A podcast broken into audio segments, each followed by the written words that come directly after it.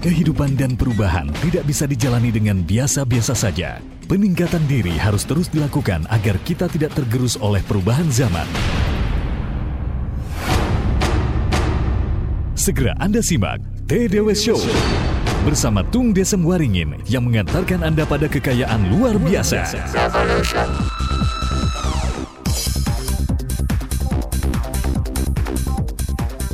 Iya, halo selamat sore smart listener di mana pun Anda berada. Bagaimana kabar Anda sore hari ini? Masih semangat kan meskipun berpuasa? Dan tentunya saya juga berharap keadaan Anda baik-baik saja setelah kejadian gempa tadi siang ya. Ya, senang sekali saya Eka Dewi bisa kembali menemani Anda dalam program TDW Show edisi Rabu 2 September 2009. Ya, dan seperti biasa smart listener dalam satu jam ke depan nanti Pak Tung akan menjawab semua pertanyaan Anda baik yang Anda kirimkan hari ini ataupun yang sudah Anda kirimkan pada kesempatan minggu lalu. Dan kita tentunya masih bagi-bagi hadiah super dahsyat dari Pak Tung tentunya bagi Anda yang mengirimkan SMS terbaik hari ini. Seperti biasa nanti Pak Tung akan memberikan hadiah super dahsyat. Apa saja sih hadiahnya? Hadiahnya adalah satu buku Marketing Revolution plus 5 CD audio Marketing Revolution plus 2 tiket seminar Financial Revolution dengan total hadiah sebesar 10 juta Rp620.000. Bagaimana cara mendapatkan hadiah super hebat ini? Langsung saja kirimkan pertanyaan Anda melalui SMS di 0812 11 12 959. Dan bagi Anda yang pada kesempatan sore hari ini ingin berbincang-bincang langsung dengan Patung bertanya mengenai apa sih sebenarnya prospek bisnis saya, mana yang terbaik untuk tahun ini gitu. Udah seperti uh, apa ya, konsultasi bisnis gitu sepertinya. Nah, bisa Anda tanyakan langsung dengan pakarnya yaitu Bapak Tung Desem. Anda bisa langsung telepon juga menemani saya di studio pada kesempatan sore hari ini. Telepon saja langsung ke 021 398 33888. Dan uh, tentunya pada kesempatan hari ini kita memaklumi juga ya kalau jalanan super macet nih ya dan karena semua orang sudah langsung keluar ruangan dan berbondong-bondong pulang. Nah, bagaimana dengan uh, Pak Tung pada kesempatan sore ini? Coba kita uh, sapa beliau. Halo, selamat sore Pak Tung. Selamat sore yang dahsyat. Ah, baik, senang sekali. Baik-baik saja Pak Tung. Dahsyat luar biasa baik. Yang kebetulan pada waktu terjadi gempa begitu ternyata efeknya ini pada orang keluar semua jadi jalanan jadi macet gitu. Nah, iya betul sekali saya juga tadi ikut keluar Pak Tung dan aduh pusing-pusing juga Pak Tung. Iya Pak Tung, syukur alhamdulillah deh Bapak sehat ya dan ya, super ya, dahsyat salam mbahnya dahsyat. Iya, yes. amin. Pak pada perjumpaan hmm. kita uh, mengawali ya perjumpaan kita sore hari ini tentunya kita akan uh, membahas SMS yang sudah kita uh, yang sudah kita terima pada kesempatan minggu lalu ya Pak Tung ya. ya Bisa langsung ya, dimulai Pak ya? Iya. Oke Pak Tung, ini SMS datang dari Bapak Arya. Ini luar biasa, light tapi dalam loh Pak Tung pertanyaannya. Ya, Apa sih arti sukses menurut Pak Tung Desem? Nah, silahkan Pak Oke. Tung. Uh, sukses adalah mendapatkan apa pun yang saya inginkan, itu adalah sukses. Nah, hmm. tapi sering kali orang ketika dia sukses, dia tidak merasa bahagia. Kenapa? Kok sukses dan tidak merasa bahagia? Karena dia tidak tahu bahwa yang namanya bahagia itu definisinya kebalikan dengan sukses. Hmm. Oke, tolong dengarkan baik-baik nih semua iya. seluruh Indonesia Raya gitu ya. Jadi kalau sukses adalah mendapatkan apa pun yang kita inginkan, okay. sedangkan bahagia adalah menginginkan apa pun yang sudah kita dapatkan. Ini berkebalikan, ayo pelan-pelan ya dengarkan lagi ya, perhatikan mm. bedanya. Sukses adalah mendapatkan apa pun yang kita inginkan.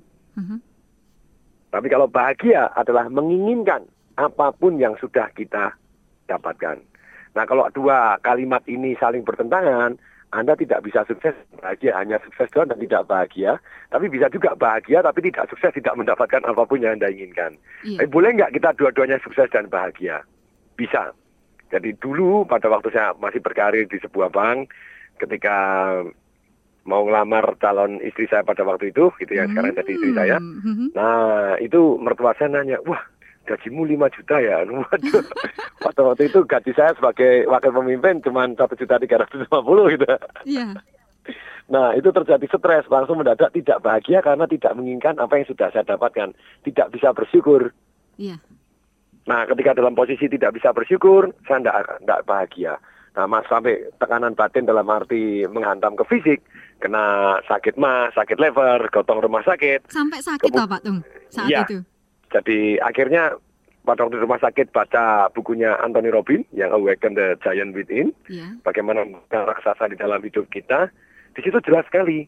Kenapa enggak dua-duanya? Itu definisikan yang membuat kita sendiri. Hmm. Bisa kok saya sukses dan bahagia. Caranya gimana? Yang belum saya dapat, saya akan kejar dengan penuh bahagia. Apa pun yang saya dapat juga akan saya nikmati dan saya syukuri secara bahagia. Ternyata selain bersyukur dan kemudian lah kalau terus yang belum dapat bagaimana kalau belum berhasil? Saya akan terus belajar dengan bahagia dan terus mengejar apa yang saya inginkan dengan bahagia. Saya tetap bahagia. Jadi dalam proses mengejar saya tetap bahagia, tapi dalam hal menikmati kehidupan saya juga bahagia. Hasilnya apa pun saya syukurin itu yang sementara adalah yang terbaik, tapi belum kemudian hari saya masih bisa tingkatkan supaya saya jadi lebih baik, saya terus belajar dan jauh lebih sukses.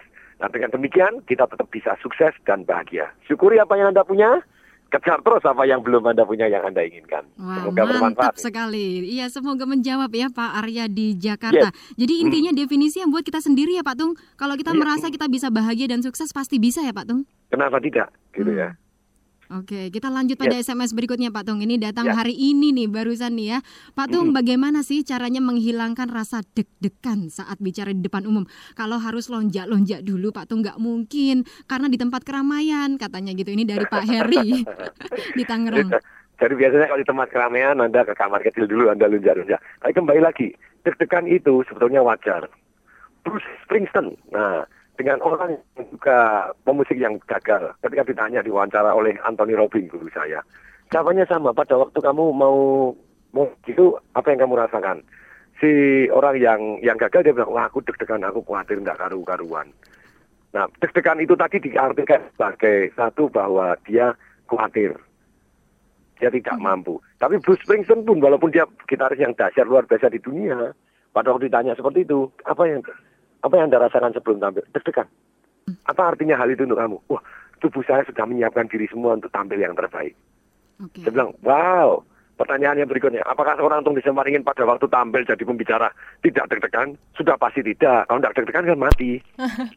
Jadi harus deg-degan gitu ya. Iya. Pertanyaannya, apakah deg-degannya lebih dari normal? Yes, sedikit banyak akan lebih dari normal. Apalagi misalnya mau ngomong di depan presiden pada waktu diundang di, di, diundang ke rumahnya beliau pada waktu itu, terus kemudian ngomong di depan istilahnya orang yang saya kagumi, ngomong orang yang ceritanya yang saya hormatin, termasuk ngomong di depan perkumpulan keluarga saya pada waktu itu, misalnya senior-senior orang sudah om-om saya, tante-tante saya yang dulu saya masih kecil dia sudah dewasa gitu ya. Mhm. Nah orang-orang yang saya hormatin otomatis sedikit banyak ada deg-degan. Tapi selalu saya beri arti bahwa deg-degan ini bahwa itu adalah persiapan saya, adrenalinnya muncul supaya saya bisa tampil yang terbaik.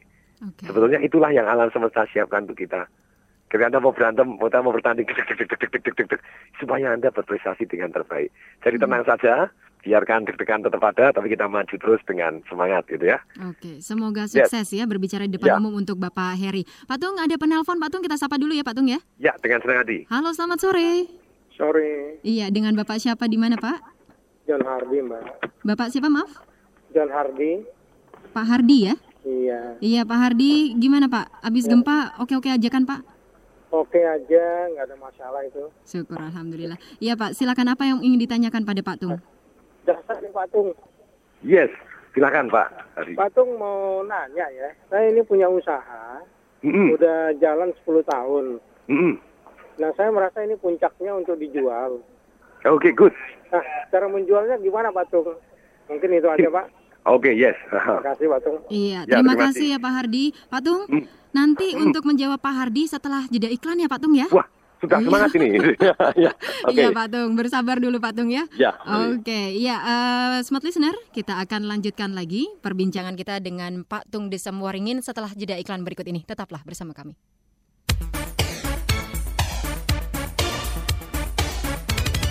TDW Show bersama Tung Desem Waringin akan segera kembali sesaat lagi.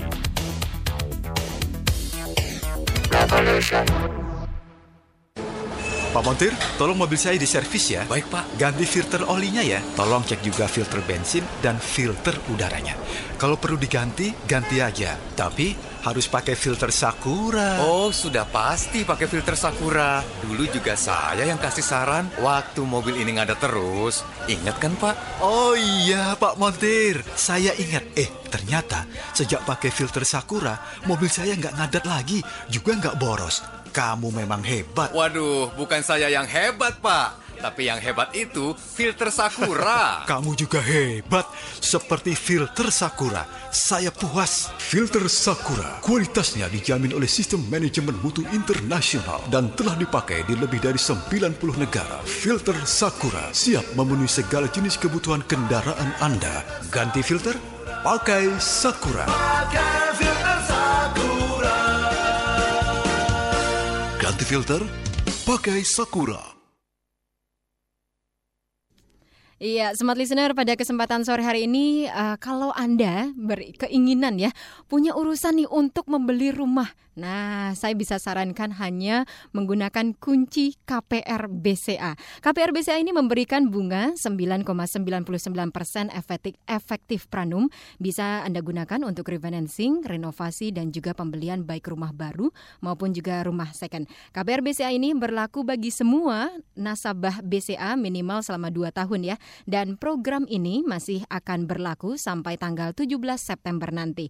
Untuk informasi lebih lengkap, langsung saja Anda bisa datang ke BCA kantor BCA terdekat atau bisa menghubungi Halo BCA via ponsel di nomor 69888 atau di 021 52 999 888.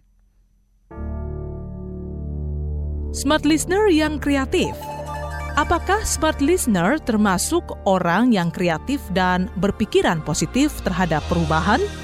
Smart listeners juga memiliki ide-ide gila dan inovatif untuk kemajuan dunia usaha di tanah air.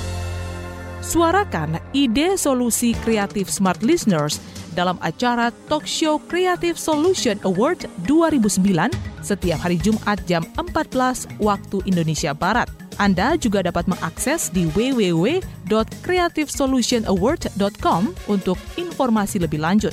Dapatkan satu buah netbook setiap dua minggu bagi smart listeners yang ide kreatifnya terpilih sebagai pemenang. Creative Solutions Award 2009 dipersembahkan oleh PT Aplikanusa Lintas Arta. Bank Ekspor Indonesia telah bertransformasi menjadi Lembaga Pengembangan Ekspor Indonesia (LPEI). Apa kata para tokoh nasional tentang LPEI? Saya Eko B. Suprianto, Direktur Biro Riset Infobank, mengucapkan selamat atas lahirnya Indonesia Exim Bank. Mudah-mudahan akan memberi makna dan akan membawa Indonesia yang lebih jaya di kencah pertarungan ekonomi internasional. Indonesia Exim Bank akan menjadikan sebuah lembaga yang menurut pandangan saya dia akan bisa mendorong ekspor non migas ke negara-negara tujuan guna mendorong pertumbuhan ekonomi berkualitas. Ekspor non migas adalah lokomotif daripada pembangunan Indonesia di masa yang akan datang. Karena Indonesia mempunyai sumber daya alam dan juga sumber daya manusia yang bisa diharapkan mendorong pertumbuhan ekonomi yang berkualitas.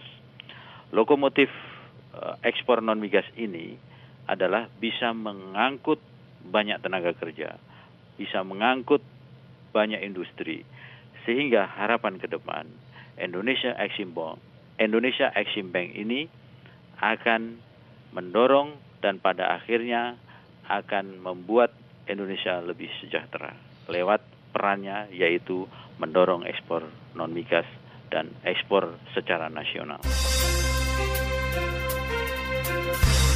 Demikian testimoni para tokoh nasional tentang LPEI.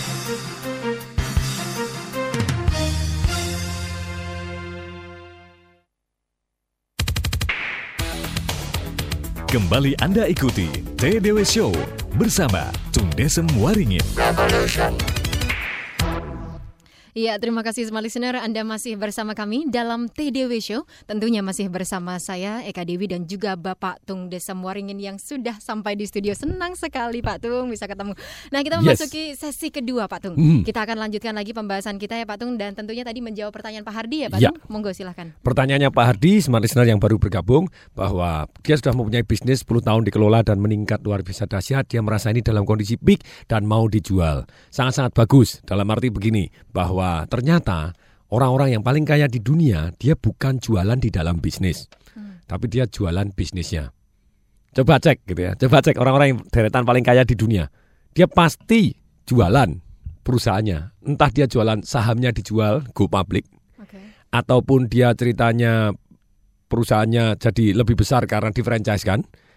Nah, ataupun ceritanya dia jual sebagian sahamnya untuk beli perusahaan yang lain. Bahkan kalau di Indonesia itu ada beberapa perusahaan yang spesialisasi akuisisi perusahaan yang eok diperbaiki jadi bagus dijual lagi gitu. Jadi mereka yang sangat-sangat kaya, mereka adalah bukan jual beli istilahnya barang atau jasa tapi jual beli perusahaan. Nah ini yang yang menarik gitu. Jadi kalau anda menjadi pengamat yang tajam silahkan. Kalau saya salah tolong diralat. Tapi kembali lagi. Ini jadi pertanyaannya Pak Hardi bagaimana kita menjual? Nah ini Anda bisa catat ini ada beberapa cara. Satu Anda jual saham dalam arti Anda go public. Pak saya ini cuma warung makan itu go public. Gimana go public? Tenang aja kalau Anda mencapai syarat tertentu Anda juga rumah makan juga boleh go public kok. Caranya gimana? Mungkin Anda buka agen yang banyak, omsetnya memadai, asetnya memadai, Anda tetap bisa go public juga. Okay. Nah, bahkan Kentucky juga go public kan gitu ya. Mm-hmm. Jadi kalian go public atau enggak coba cek gitu. Nah, coba lihat banyak banyak perusahaan-perusahaan yang go public. Starbucks sudah pasti dia go public. Nah, sekarang Anda bisa go public. Kalau enggak Anda bisa jual saham Anda. Dalam arti bukan go public tapi jual saham ke private investor entah itu yang besar ataupun entah yang kecil. Nah, caranya bagaimana? Anda membuat valuasi dari sisi perusahaan. Itu kalau kemarin saya belajar dari Pak Rosinu yang dari Trimegah gitu. Beliau juga teman sekaligus saya pernah ngajar di Trimegah, Trimegah Pak Rosinu juga ngajar di tempat saya, kita barter pengajaran gitu. Nah, yang menarik, ternyata orang kalau mau go public ataupun Anda menilai perusahaan Anda, itu tergantung dari rata-rata industrinya. Misalnya laba Anda sekarang satu miliar, terus kemudian rata-rata istilahnya price earning ratio-nya dari perusahaan tadi itu satu banding 10 maksudnya apa? Kalau labanya 10 berarti nilai perusahaannya 100. Jadi sebetulnya tidak ada hubungannya kalau earning ratio tadi kan dividen kan yang dibagi sebagian dari laba. Nah, tapi dalam hal ini Anda bisa patokan plus minus dari rata-rata industrinya sendiri. Misalnya nilainya itu adalah tujuh kali dari laba, ya berarti nilai perusahaan Anda kalau labanya satu miliar, tujuh miliar. Nah, kalau misalnya rata-rata industri, misalnya Anda industrinya ini apa? Misalnya industri manufaktur Pak, untuk manufaktur apa? Misalnya apa? Alat-alat mobil. Nah, dari rata-rata industri yang sama berapa nilai perusahaan Anda? Nah, biasanya dikali tujuh ini atau dikali sepuluh jadi misalnya toko buku, waduh toko buku saya misalnya nih misalnya untung satu setengah miliar satu tahun. Nah nilai perusahaannya berapa? Kalau dikali 10 berarti 15 miliar. Anda jual langsung 15 miliar atau Anda jual 30 persen berarti Anda dapat 5 miliar, Anda cash out lumayan. Terus caranya ngitung bahkan ternyata yang menarik kalau Anda go public itu bukan laba tahun ini, tapi laba prediksi tahun depan yang Anda buat faktor. Eh labanya saya satu setengah M, tapi prediksi saya 2 M loh. Nah, kalau prediksinya 2M, berarti Anda ngitungnya dikali 7 atau dikali 10 seperti rata-rata industrinya, harga perusahaan tadi, yaitu dengan cara 2M-nya, jadi prediksi tahun depan yang baru dikali 10. Nilai perusahaannya jadi 20 miliar. Ini Anda bisa jual sahamnya ini dengan cara seperti ini. Kemudian Anda juga bisa jual franchise. Anda jual franchise itu sebetulnya Anda menjual sebagian dari ilmu perusahaan Anda. Tapi perusahaan pusatnya masih Anda miliki. Nah, Pak Purdia Chandra itu jual franchise. Kemudian setelah jual franchise, dia jual master franchise-nya juga. Jadi ini loh, saya punya franchise sekian di Jakarta Barat. Nah, kemudian ini Jakarta Barat siapa yang mau beli ini 20 miliar atau berapa miliar saya tidak tahu. Tapi intinya dia loh ini ada sekian cabang. Jadi master franchise di masing-masing daerah itu juga dijual. Jadi selain franchise-franchise-nya, jadi dia bisa jual lagi. Nah, akibatnya ya tidur pun dapat duit juga kantor pusatnya masih dia pegang. Nah, untung-untung kantor pusatnya tidak dijual gitu ya. Tapi kalau dia jual boleh nggak? Boleh aja. Nah, seperti Sampurna ketika ada aset luar biasa ya dia jual. Nah, kemudian berikutnya Anda bisa juga jual satu yang namanya license. Atau istilahnya mungkin kalau Anda sesuatu hal teknik yang bisa Anda patenkan Atau rumah makan resep yang Anda patenkan Atau nama yang Anda patenkan Ataupun teknologi yang Anda patenkan Anda tidak perlu jual perusahaannya Tapi Anda bisa licensekan ilmunya Sehingga bisa dipakai oleh orang lain Nah, ini ada banyak cara dan termasuk sedikit teknik menghitung berapa sih harga perusahaan saya. Mhm. Semoga bermanfaat. Oke, semoga bermanfaat ya Pak Hardi. Lanjut lagi ya Pak Tung yes, ya. dengan senang hati. Iya, selamat sore Pak Tung. Kapan pertama kali Bapak terinspirasi menjadi orang sukses? Waduh, waktu itu dalam peristiwa apa tuh Pak? Gitu kan dari Pak Mahlil di Tangerang. Kalau saya merasanya itu bukan terinspirasi orang jadi orang sukses, kalau terinspirasi orang sukses sudah dari kecil. Tapi kalau mengambil langkah menuju sukses, ya. yaitu ketika saya ikut seminarnya Anthony Robin. Hmm. Jadi pelatih sukses nomor satu di dunia itu sekarang jarang gitu ya. Kalau Anda masih tertarik boleh juga, tapi kita sudah mepet sekali waktunya. Tapi kalau Anda mau ikut berangkat belajar dari pelatih sukses nomor satu di dunia ini, kita nanti akan berangkat sekitar 400 orang gitu ya. Iya. Dari Indonesia hari Jumat ini pagi-pagi kita akan berangkat Jumat, Sabtu, Minggu, Senin kita belajar langsung dari seorang yang namanya Anthony Di Robbins mana Pak di Singapura gitu ya. Di Singapura. Nah, memang betul pada waktu saya belajar di sana Gini loh, kalau terinspirasi sukses sudah dari kecil loh. Dari kecil kan punya impian. Iya. Oh saya pengen punya ini, punya ini, punya ini. Oh saya pengen jadi seperti ini, jadi seperti ini. Bahkan teman kuliah saya pun dia cerita. Yang aku ingat dari Tung itu semangatnya dan ambisinya dan cita-citanya. Dia kepengen aku pasti jadi sukses, pasti jadi sukses dalam arti kekayaan, dalam arti keluarga, dalam arti kesehatan, sukses dalam arti lengkap gitu ya, spiritual, amal Anda gitu ya. Nah, sukses dalam arti lengkap. Wow, dia bilang kamu hidup kok goalnya uh, begitu tinggi katanya gitu. Tapi ketika saya mencapai sesuatu hal yang mereka anggap saya sudah impikan tadi dan tercapai, jawabannya, Wah, aku ingat kamu dulu ngomong begini. Hmm. Itu zaman dari dulu sudah ngomong, tapi yang paling penting action Anda. Iya. Anda punya goal kepengen sukses boleh, tapi action Anda mengarah tidak. Nah, Anthony Robin membuat saya berani untuk take action, membuat saya peduli terhadap omongan-omongan orang yang kompeten, dan saya tetap dengarkan omongan-omongan orang yang tidak kompeten, tetapi istilahnya kalau saya tahu bahwa itu tidak ada untungnya untuk saya, saya akan abaikan dan saya maju terus gitu. Jadi dalam kesempatan ini kalau Anda masih ingin ikut seminarnya Anthony Robin di Singapura, saya tidak menawarkan kepada Anda, tapi kalau Anda merasa ini baik dan positif, bisa merubah hidup seorang Tung Desembaringin dari biasa-biasa jadi dahsyat luar biasa, this is the last chance Anda untuk daftar. Karena Anthony Robin itu terakhir datang 2004 di Singapura, 2005, 6, 7, 8 enggak.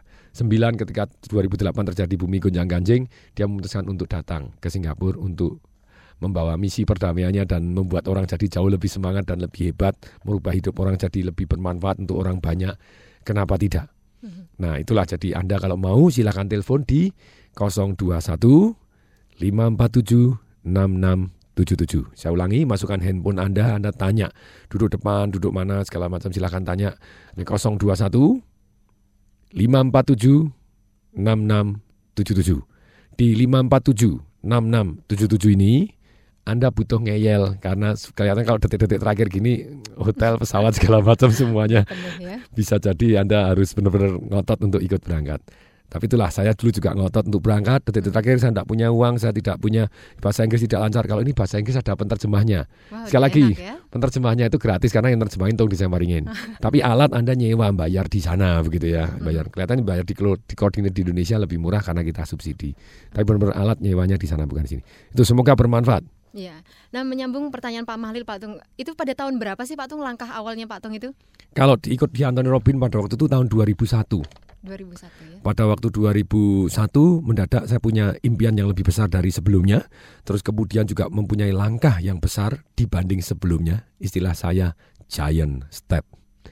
Jadi langkah yang bagi orang lain dianggap kecil tapi bagi saya adalah langkah raksasa shifting paradigm jadi merubah paradigma dalam hidup ini bahwa ternyata kita bisa kok sukses dan bahagia dan boleh kok kita mempunyai mimpi yang bagi orang lain eh mimpi kok muluk-muluk bener. Nah, ya saya bilang mimpi aja gratis tidak berani apalagi yang ini kan jadi dan problemnya orang tuh waktu kecil mimpinya macam-macam. Anak saya, saya tanya mau punya apa? No, mau punya kolam renang dua. Lo untuk apa? Satu untuk kok satu untuk adiknya dia bilang gitu. Ya boleh aja gitu kenapa tidak? Tapi kalau kita udah gede kita lupa ilmu bermimpi. Saya lagi mimpi yang anda kasih tanggal atau kasih deadline itu jadi goal. Jadi boleh dikata hari ini 80% orang tidak mempunyai goal. Mimpi punya tapi goal enggak. Wah saya pengen kaya. Kaya itu berapa angkanya? Oke. Terus kapan Anda mencapainya? Nah itu jadi Anda punya goal, kemudian punya rencana. Oke untuk mencapai goal ini langkah apa? Dulu saya pengen satu mendadak punya goal, pengen jadi pembicara terbaik di Indonesia. Loh apa ada atau pembicara yang punya goal seperti itu? Mungkin wah kamu kok sombong, kamu enggak gitu ya. Tapi itu adalah satu secara pribadi orang lain mau ngomong sombong terserah kita gitu ya. Terus kemudian ukurannya apa? Kalau saya bisa tahu bahwa saya sudah jadi pembicara yang terbaik. Kalau Anda enggak tahu ukurannya bagaimana Anda bisa tahu? Betul. Saya pengen bertambah kaya. Kaya itu ukurannya apa? Bisa diukur nggak? Berapa? Nah ketika saya bilang ukurannya kalau ada majalah yang menulis. Bukan ngaku-ngaku karena banyak orang kan demi marketing dia ngaku-ngaku ya boleh aja kecap semua nomor satu gitu. Tapi enggak apa-apa. Tapi ketika ada majalah yang memberikan itu baru sah. Nah, ternyata 2001 ngomong begitu, kemudian 2002 mendadak pilar bisnis mencantumkan saya sebagai wow, pembicara di peringkat biasa, 2001 sampai 2009 hasilnya super dahsyat. Ini ini yes. contoh nyata di depan mata saya. Yes, itu ya karena berani punya impian, punya rencana yang masuk akal. Maksudnya rencana masuk akal gimana? Kalau Anda sudah punya goal misalnya pengen jadi apa, kok goal boleh tidak masuk akal, tapi kalau rencananya masuk akal, goalnya mendadak jadi masuk akal. Mm-hmm. Ketika saya bilang saya mau jadi pembicara terbaik di Indonesia, mendadak jadi masuk akal ketika saya putuskan rencananya belajar dari yang pembicara-pembicara terbaik di seluruh dunia. Termasuk di Indonesia siapa pun yang bagus, kenapa tidak saya belajar? Iya, berbicara nah. mengenai goal Pak Tung. Yes. Ini ada SMS dari hmm. Bapak Riki Jakarta Selatan ya. Hmm. Salam mbahnya dahsyat Pak Tung. Oh, yes. Bagaimana caranya menggali dan menemukan goal kita dan menjaga goal tersebut hingga sampai terwujud. Namun Pak Tung, yes. kita akan jawab ya. Baru semangat loh nih. Baru gitu, semangat setelah jeda iklan ya Pak Tung yes. ya. Hmm. Pak Riki di Jakarta Selatan, sabar ya. Setelah jeda iklan berikut ini Pak Tung akan menjawab pertanyaan Anda.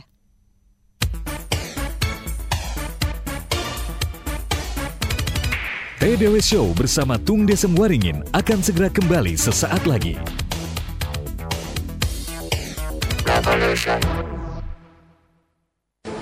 Pak Montir, tolong mobil saya diservis ya. Baik, Pak. Ganti filter olinya ya. Tolong cek juga filter bensin dan filter udaranya.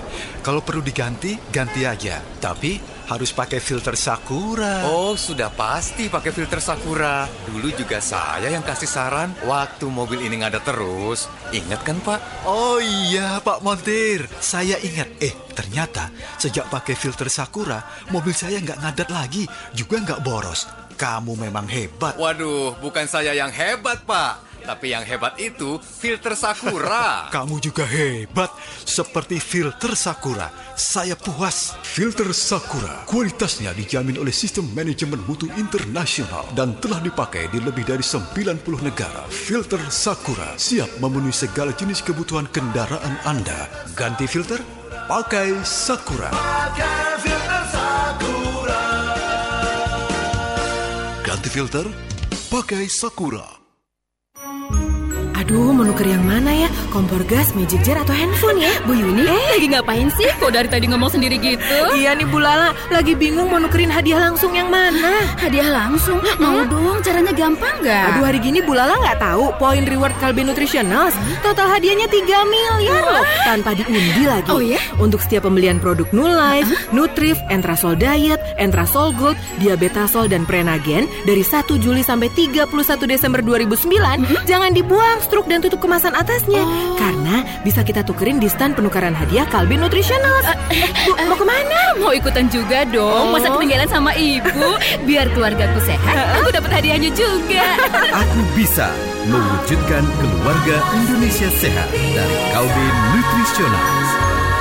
Keterangan lebih lanjut, baca di media cetak, klik www.kalbinutritionals.com atau hubungi 0800 142 setiap hari kerja. Gemerlap bintang di langit selalu menghiasi malam hari kita. Tapi gemerlap apa yang selalu hadir 24 jam nonstop 7 hari seminggu? Jawabannya pasti Gemerlap Top TV. Top TV kini lebih gemerlap. Hadir dengan lebih dari 35 channel dengan harga tetap Rp85.000. Dari channel anak-anak seperti Playhouse Disney, Net Geo Wild, Net Geo Adventure, History Channel yang akan membuka wawasan kita mengenai kehidupan di alam liar. MGM Channel turut hadir di rumah Anda dengan saluran film 24 jam nonstop hingga channel olahraga Vision One Sports dan channel hiburan Fox Crime akan hadir menemani keluarga Indonesia. Nantikan kehadiran channel-channel unggulan lainnya hanya di Top TV, top banget.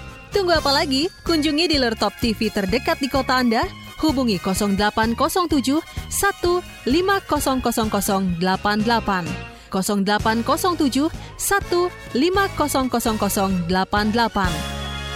Top TV, top banget.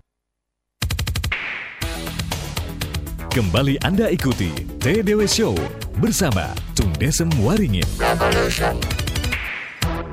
Iya, terima kasih Smart Listener. Anda masih setia bersama kami dalam TDW Show. Tentunya bersama Bapak Tung Desem dan masih bersama saya Eka Dewi. Tidak terasa ya, kita sekarang memasuki sesi terakhir. Dan bagi Anda yang sudah mengirimkan SMS terbaik, nanti Anda akan mendapatkan hadiah super dahsyat, yaitu satu buku Marketing Revolution plus 5 CD audio marketing CD audio Marketing Revolution plus 2 tiket seminar Financial Revolution dengan total hadiah 10 juta 620 ribu rupiah. Iya, Patung tadi uh, ada PR juga ya dari Pak Riki nih Jakarta Selatan tadi. Salam mbahnya dahsyat Patung. Bagaimana sih kalau tadi Patung berbicara mengenai goal? Yep. Ya kan? Bagaimana cara menggali dan menemukan goal kita serta menjaganya Pak Tung? Oke, nah salah satunya begini, kalau goal itu bisa menurut saya ada tiga hal. Satu menjadi atau be, ya. yang kedua do, melakukan, yang ketiga have. Anda kepingin menjadi apa? Contohnya saya pribadi saya punya 101 goal. Di antara 101 goal ini ketika saya tulis saya kepengen menjadi apa, kepengen melakukan apa, kepengen punya apa, kemudian saya kasih deadline. Oh, yang ini 20 tahun, yang ini lima tahun, yang ini 10 tahun, yang ini satu tahun. Kemudian satu tahun saya ambil tiga yang paling penting mana yang menjadi prioritas. Nah, Misalnya B, Anda pengen menjadi apa? Misalnya, saya pengen menjadi pembicara. Kemudian, saya pengen menjadi apa? Menjadi ahli. Ahli di bidang apa? Jadi, saya pengen punya jadi ahli misalnya, ahli untuk komunikasi, ahli tentang keuangan, ahli investasi, ahli properti, kemudian ahli kepemimpinan, ahli tentang kesehatan fisik, ahli tentang relationship, kemudian ahli tentang seks juga boleh gitu. Pokoknya komplit jadi semua harus, aja. Harus jelas, Pak. Yes, Anda pengen jadi ahli apa? Kalau Anda sudah memutuskan pengen jadi ahli, mendadak Anda cari bukunya berbeda ikut seminarnya berbeda, belajarnya iya. berbeda, topiknya berbeda. Itu akan Anda tentukan terlebih dahulu pengen menjadi apa. Gula apakah harus satu? Enggak, satu punya 101 loh yang masih sering saya coret, saya tambahin begitu. Kemudian pengen do, pengen melakukan apa? Saya pengen keliling dunia, pengen tur ke mana, pengen ke New Zealand, pengen ke naik Gunung Rinjani misalnya gitu. Apa pun hmm. yang Anda kepingin. Anda ingin Anda lakukan. Oh, saya mau membaca kitab suci dari depan sampai belakang. Saya mau menyusurin sungai Amazon. Terserah Anda gitu ya. Terserah Anda saya mau pergi ke Tibet. Kemudian saya mau apa pun whatever what you want to do in this life. Hmm. Nah, kemudian Anda ingin punya apa? Jadi ternyata goal bukan hanya punya apa, tapi bisa juga okay. menjadi dan melakukan. Anda kepingin punya apa? Saya pengen punya mobil ini, saya pengen begini, pengen apa silahkan. Jadi benar-benar be do and have ini tulis dulu aja 101 saya mengalami ini dan banyak keajaiban ketika goal tadi ditulis.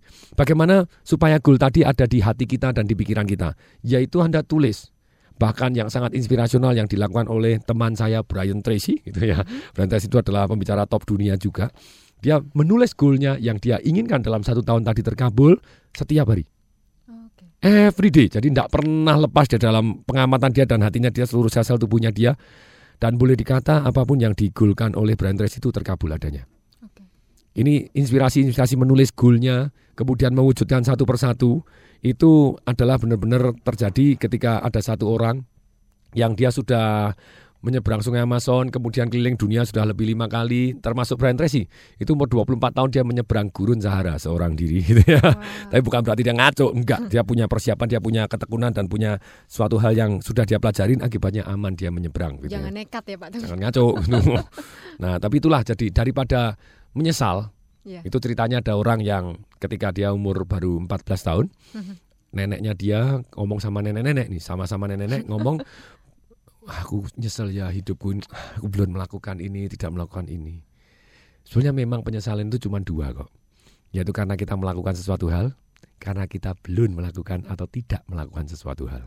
Percaya anda ketika anda umur berlalu sampai umur 80 nanti 80% kalau tidak boleh ngomong 90% penyesalan kita itu karena kita tidak melakukan sesuatu hal yang kita ingin lakukan. Hmm. nah just do it now gitu ya. Do it now. Nah itu be do and have. Semoga bermanfaat. Iya, semoga bermanfaat ya Pak Riki. Sebelum kita lanjut ke SMS berikutnya ada penelpon dulu yang yes, sudah silakan. bergabung Pak. Kita sapa hmm. dulu ya. Halo, selamat sore. Sore. Dengan Salam Bapak siapa, Tung? Salam iya, dahsyat dengan Pak siapa ini? Uh, dari Daniel Jakarta, Pak. Iya. Silakan Pak Daniel. Ya, saya mau nanya ini Pak, kalau misalnya uh, saya kan ada produk, produknya baru, uh, yang saya mau tanyakan uh, bagaimana cara membuat tren seperti yang kita tahu dulu, uh, zaman dulu pernah Tamagotchi menjadi tren, lalu yang hmm. gelang karet di tangan menjadi tren, sekarang BlackBerry menjadi tren. Apakah itu memang direncanakan untuk menjadi tren atau uh, karena suatu hal yang tidak direncanakan menjadi tren secara tersendirinya gitu Pak? Apakah ada ilmu-ilmunya yang memang khusus untuk membuat itu menjadi tren gitu Pak? Gitu. Itu aja Pak. Makasih banyak Pak Tung. Iya. Iya, terima kasih Pak Daniel. Silakan Pak Tung. Jadi kalau bukunya langsung saya jawab, itu ada satu yang namanya tipping point. T I P P I N G point. Itu bahasa Indonesianya juga sudah ada. Yang ngarang adalah satu orang namanya Malcolm Gladwell. Mhm. Dia terpilih bareng dengan Pak Hermawan Kartajaya itu Pak Hermawan Kartajaya itu satu-satunya di dunia itu dari Indonesia uh-huh. yang dipilih sebagai 50 marketing guru yang akan mempengaruhi masa depan dunia. Wow. itu itu itu Pak Hermawan dan ini Malcolm Gladwell juga ikut terpilih jadi sebagai salah satu 50 istilahnya guru yang akan shape marketing future. Nah, kemudian berikutnya ini. Jadi tipping point ini di situ dibahas. Kalau Anda kepengen menciptakan sebuah tren, Anda harus menyebarkan produk dan jasa Anda kepada orang-orang yang bersifat seperti tapping point tadi. Maksudnya apa tapping point? Sekali sentuh, efeknya berkali-kali. Hmm. Jadi ketika misalnya Sony merancang Walkman dan kemudian dia kepingin sekali membuat menjadi tren dunia, wabah dunia, apa yang dilakukan selain dia pasang iklan, yes, orang-orang tokoh masyarakat yang pasang iklan kemudian disuruh dengarkan Walkman sambil jalan-jalan nikmat itu di iklan, yes dia pengaruhi dengan iklan. Berikutnya dia menggunakan tokoh-tokoh orang muda disuruh jalanan jalan-jalan di kalau di Tokyo sana di Shibuya Center atau di mana jadi tempat pertokoan-pertokoan ya ya apa pun namanya jadi mereka suruh jalan-jalan di sana pakai Walkman gitu sambil nyari-nyari hmm. orang pengen tahu apa sih itu gitu ya. Okay. Nah, apa sih itu di sebelah situ Anda boleh dengarkan gratis tes tes musik yang bisa Anda jalan-jalan gitu ya Walkman hmm. gitu. Jadi selain ada orang sedang jalan-jalan di sana, orang lewat ada apa sih itu? Dia kepengen tahu, kemudian oh, di depannya ada tes Walkman, pengen tahu, ikut beli. Jadi mendadak jadi wabah karena satu hal baru yang menular. Anda butuh orang-orang yang bersifat maven. Maksudnya maven itu apa? Orang-orang yang bersifat bijaksana yang didengarkan oleh orang. Kalau dia pakai, kebanyakan orang akan ikut pakai. Kemudian yang kedua yang dia bersifat benar-benar ceritanya mau menceritakan. Ada orang yang bijaksana tapi tidak mau menyebarkan gitu ya. Hmm. Nah kemudian yang ketiga, orang yang bijaksana yang mempunyai network yang begitu luasnya. Hmm. Nah itu tiga hal ini yang membuat bisnis Anda menjadi tren dan meledak. Nah, dengan demikian saran saya Anda pelajarin buku Tipping Point-nya Malcolm Gladwell, entah bahasa Inggris entah bahasa Indonesia. Kemudian Anda cari orang-orang yang bersifat maven tadi, kemudian di, yang yang mau ngomong, mau jadi orang sukarela senang bersosialisasi. Yang ketiga yang punya network begitu banyaknya. Dia ikut organisasi A, ikut organisasi B, organisasi apa segala macam. Misalnya celana Bali. Itu orang-orang Trisakti dulu pada waktu pulang di sini jalan pakai celana model Bali begitu di mall-mall jalan mendadak jadi wabah jadi tren gitu ya. Hmm. Orang dari pulang dari Bali mendadak membawa wabah di sini. Seringkali ini celana pantai dibawa ke mall gitu tapi jadi wabah. Jadi okay. Anda perhatikan cara-cara seperti itu semoga bermanfaat. Oke, semoga bermanfaat Pak Daniel ya. Patung ini untuk mengakhiri perjumpaan kita, saya langsung bacakan saja Oke, okay, yes. SMS Pak ya. Hmm. Ini yang pertama ini menarik Pak. Kalau boleh tahu Pak Tung, hmm. berapa kali sih sebenarnya Pak Tung gagal dalam menjalani bisnis gitu ya sampai saat ini? Ini dari Pak Amrul di Tangerang. Kemudian satu lagi ini berkaitan dengan uh, event-event Ramadan dan juga Idul Fitri. Mm-hmm. Uh, saya tunggu sebentar. Uh, saya sedang berbisnis Pak Tung, mm-hmm. coklat gitu ya. Kemudian lebaran ini kurang persiapan modal dan tenaga. Rencana event-event next seperti Natal, Tahun Baru dan Valentine dan lain-lain akan cari karyawan untuk bantu saya. Bagaimana prospeknya next berikutnya itu bagaimana Pak Tung? Kemudian ini lagi uh, ada satu lagi Pak Tung dari pelajar ya. dari uh, adik Sari mungkin ya adik Sari hmm. di Cilengsi. Selamat sore Om Tung uh, gitu. Okay. Om Tung saya Sari. seorang hmm. ya Om Tung saya seorang pelajar SMK kelas 3. Om Tung saya bercita-cita ingin sekali menjadi pengusaha. Apa saja sih Om Tung kiat-kiat yang bisa saya wujudkan untuk uh, apa-apa apa saja sih kiat-kiatnya untuk mewujudkan keinginan saya. Terima kasih Om Tung. Iya. Sekarang untuk uh, adik Sari dulu. Iya kalau ataupun smart listener seluruh Indonesia yang kepengen menjadi pengusaha sukses. Uh-huh. Nah, apa yang perlu dilakukan? Pertama kali Anda pilih bidang dulu. Bidang di mana yang Anda bisa milih bidang itu tiga hal ini urut-urutannya gini yang bisa menghasilkan atau ada skala ekonominya. Uh-huh. Nah itu harus ada. Kalau Anda Anda bukan jadi pengusaha sukses itu ya, pengusaha sosial yang sukses atau orang yang sosial. Yeah. Itu lain kalau Anda pengen pengusaha yang sukses otomatis harus ada skala ekonominya atau ada uangnya yang Anda inginkan gitu ya. Uh -huh. Kemudian Anda yang kedua memilih adalah satu yang di mana Anda yang suka. Jadi pertama kali Anda cari yang di mana ada skala ekonominya, kedua cari yang suka. Kemudian yang ketiga cari yang di mana Anda secara rendah hati Anda yakin saya dengan ketekunan saya dengan seluruh tekad saya saya bisa jadi yang terbaik. Okay. Itu Anda akan sukses luar biasa dahsyat. Nah, terus kemudian setelah Anda mempunyai penentuan ini jenis usaha yang Anda inginkan, yeah. kemudian berikutnya Anda cari siapa yang sudah sukses di bidang itu, belajarlah terlebih dahulu. Mm-hmm. Kebanyakan orang nggak lulus sekolah, lulus kuliah, langsung kerja apa pun yang dia terima. Mm-hmm. Sudah tidak susah, tidak suka, tidak menghasilkan, ya celaka kan gitu. Yeah. Yang penting menghasilkan Anda Waktu suka. sudah habis nih iya. Pak Tung. Tuh. Baru satu jawaban. PR deh, PR ya Pak Tung. PR kita akan minggu depan kita jawab lagi gitu ya setelah iya. saya pulang ikut seminarnya Anton Robin di Singapura. Iya, sukses ya Pak Tung ya untuk seminarnya. Uh, pengumumannya Pak Tung mungkin lebih Ya, jadi kalau Anda ingin